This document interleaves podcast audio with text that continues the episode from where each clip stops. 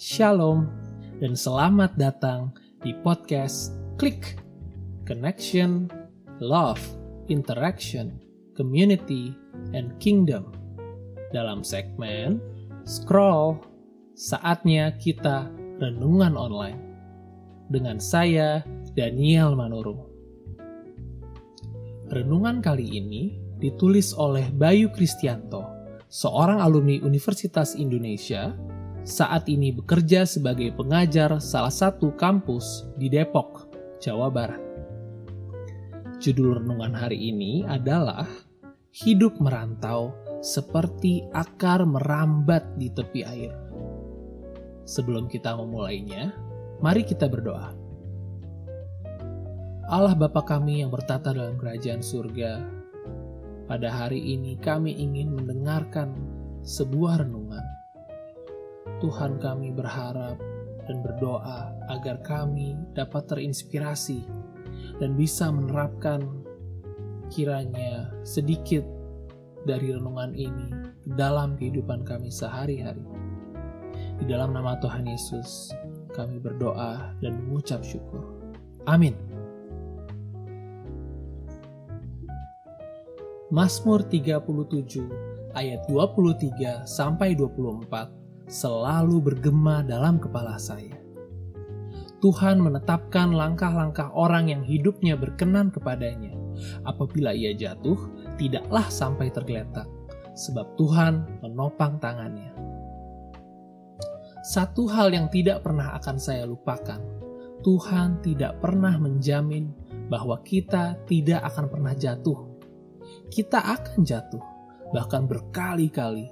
Namun tangan Tuhan akan senantiasa menopang kita sehingga kita bisa bangkit kembali setiap kali kita jatuh.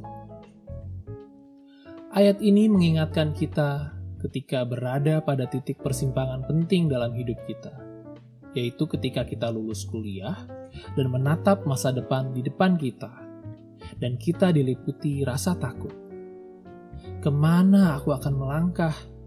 Di mana aku akan bekerja? Bila aku hidup di tanah rantau, siapa yang akan melangkah bersamaku? Kalau aku jatuh, siapa yang akan menopang dan mengangkatku kembali? Saya sudah hidup merantau semenjak lulus SMA di suatu kota kecil di Jawa Tengah, dan kemudian diterima untuk kuliah di Universitas Indonesia di Depok Jawa Barat.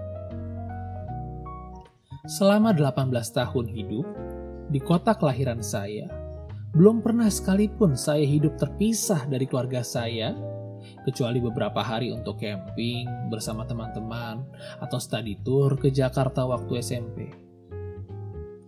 Selama studi S1, saya hidup di perantauan yang jauhnya 488 km dari kota Mungil di mana saya lahir.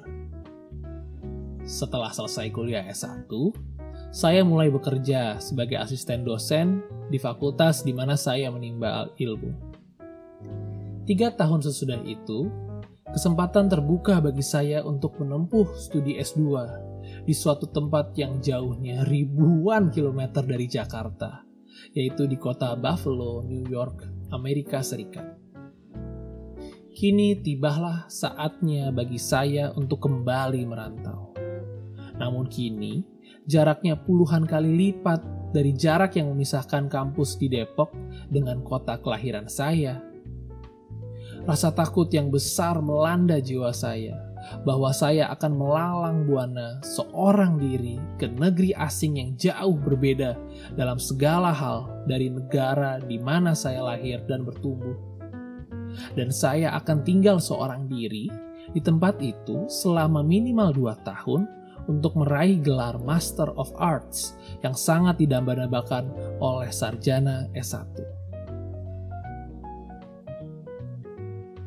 Di tengah kekhawatiran dan ketakutan saya untuk hidup di negara rantau yang benar-benar asing, saya diingatkan oleh firman Tuhan dalam Filipi 4 ayat 6 7 yang berbunyi, Janganlah hendaknya kamu khawatir tentang apa pun juga, tetapi nyatakanlah dalam segala hal keinginanmu kepada Allah dalam doa dan permohonan dengan ucapan syukur.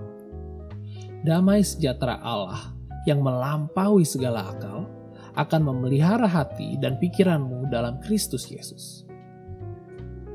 Ayat ini berbicara kepada saya bahwa di tengah kekhawatiran kita, hanya satu hal yang perlu kita lakukan, yaitu menceritakan semuanya kepada Dia, dan Dia akan mendengarkan kita dengan penuh kesabaran dan kesetiaan. Lalu kita akan diliputi perasaan damai luar biasa yang tidak bisa kita pahami, yang mampu mengalahkan kekhawatiran kita. Lalu kita akan dipelihara oleh Kristus sendiri. Kehadiran Tuhan bersama kita dalam perjalanannya yang kita tempuh di negeri rantau, di mana kita menimba ilmu atau bekerja, ia nyatakan dalam Yosua 1 ayat 9. Bukankah telah kuperintahkan kepadamu, kuatkan dan teguhkanlah hatimu. Janganlah kecut dan tawar hati, sebab Tuhan Allahmu menyertai engkau ke mana pun engkau pergi. Sungguh membesarkan dan menguatkan hati bahwa ke mana pun kita pergi, baik di negeri sendiri maupun di tanah perantauan, Tuhan berjalan bersama kita dan kita tidak sendiri. Terbukti bahwa selama dua tahun mengambil studi di Amerika Serikat, saya selalu berada dalam lindungan Tuhan Tuhan hindarkan saya dari segala bentuk kejahatan, sakit penyakit, kecelakaan, dan hal-hal lain yang membahayakan kehidupan, sehingga saya akhirnya lulus dalam gelar Master of Arts dan kembali ke Indonesia. Namun, tidak berarti bahwa hidup dalam perantauan di negeri orang selalu berjalan mulus dan bebas tantangan.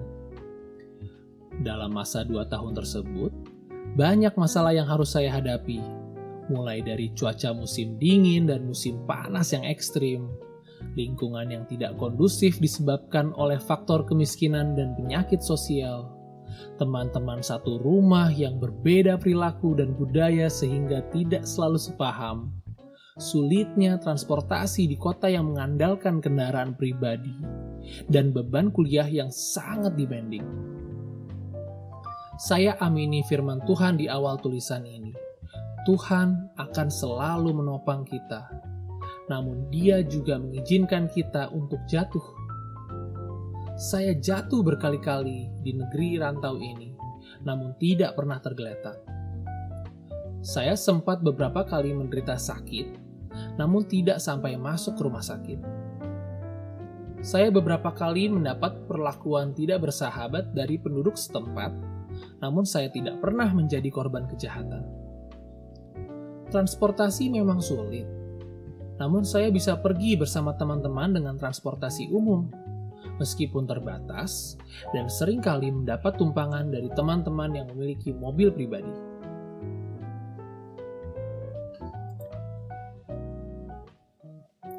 Dengan demikian, saya percaya sepenuhnya apa yang Tuhan katakan melalui Daud dalam Mazmur 23 ayat 4 bahwa Sekalipun aku berjalan dalam lembah kekelaman, aku tidak takut bahaya, sebab engkau besertaku.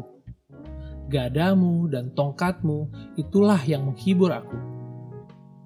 Saya tidak perlu gentar, karena seperti Daud, saya bisa berkata, Aku telah mencari Tuhan, lalu Ia menjawab aku dan melepaskan aku dari segala kegentaranku.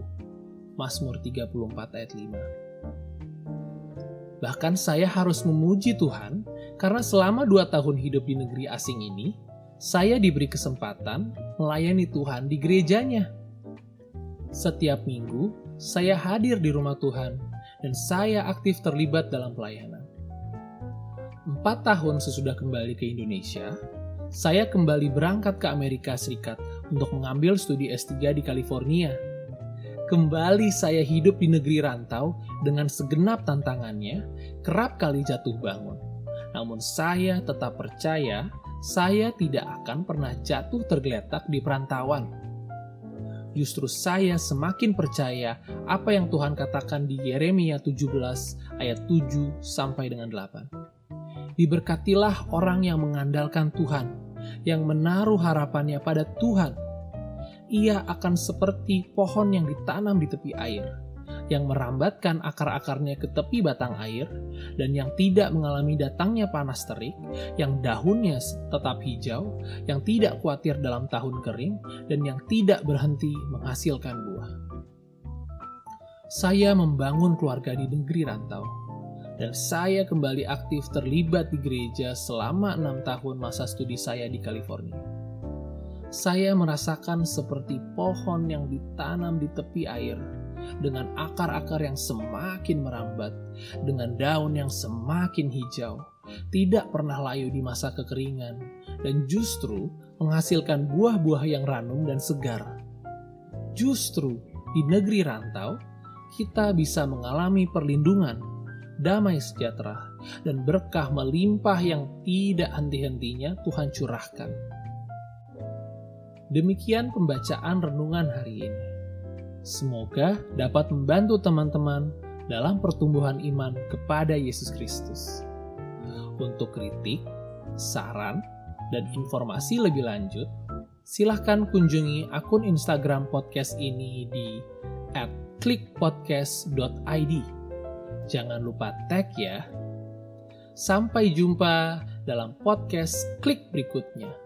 Tuhan Yesus memberkati.